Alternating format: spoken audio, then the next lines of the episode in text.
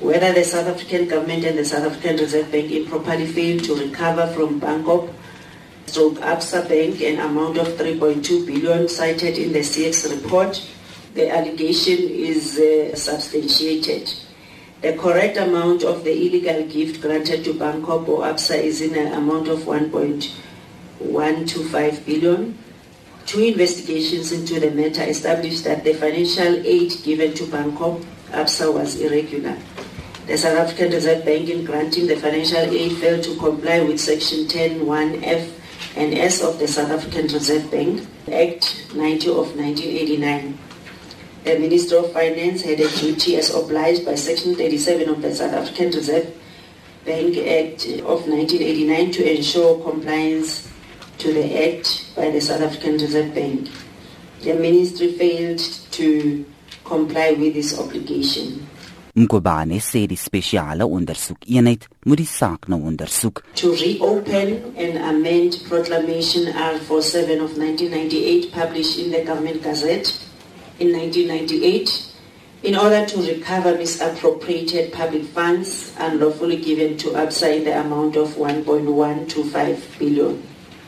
Number two, to reopen and amend Proclamation R47 of 1998 which was published in the Government Gazette uh, dated 7 May 1998 in order to investigate alleged misappropriated public funds given to various other institutions.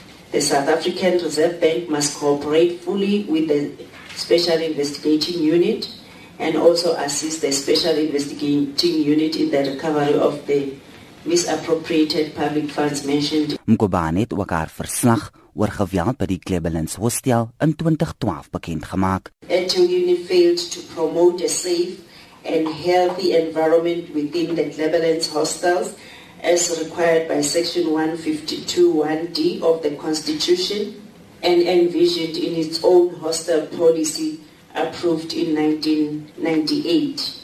Etegwini municipality failed to give members of the local community equitable access to the municipal services to which they were entitled as envisaged in Section 42F of the Local Government Municipal Systems Act. Sy het ook haar verslag oor die konstruksie van Gossi Edward Mogale se paleis bekend gemaak wat die Bapopa Mogale gemeenskap in Noordwes negatief geraak het. That the HOD of the Department of Local Government and Traditional Affairs in the Northwest and Bapo administration failed in the management of Bapo ba Mogale D account. The process of the procurement in the construction of the palace was done without going out on tender or calling for quotations. Accordingly, it was irregular to have proceeded with the construction without going on tender because the Bapo administration would have received and considered other competitive bidders. Uh, the con total construction work of the palace complex amounted to 115 million, which was well above the budgeted amount of 29 million. Dit was die openbare beskermer, advokaat Bosisiwe Mkobane, Jean Estreisen, SAICanis.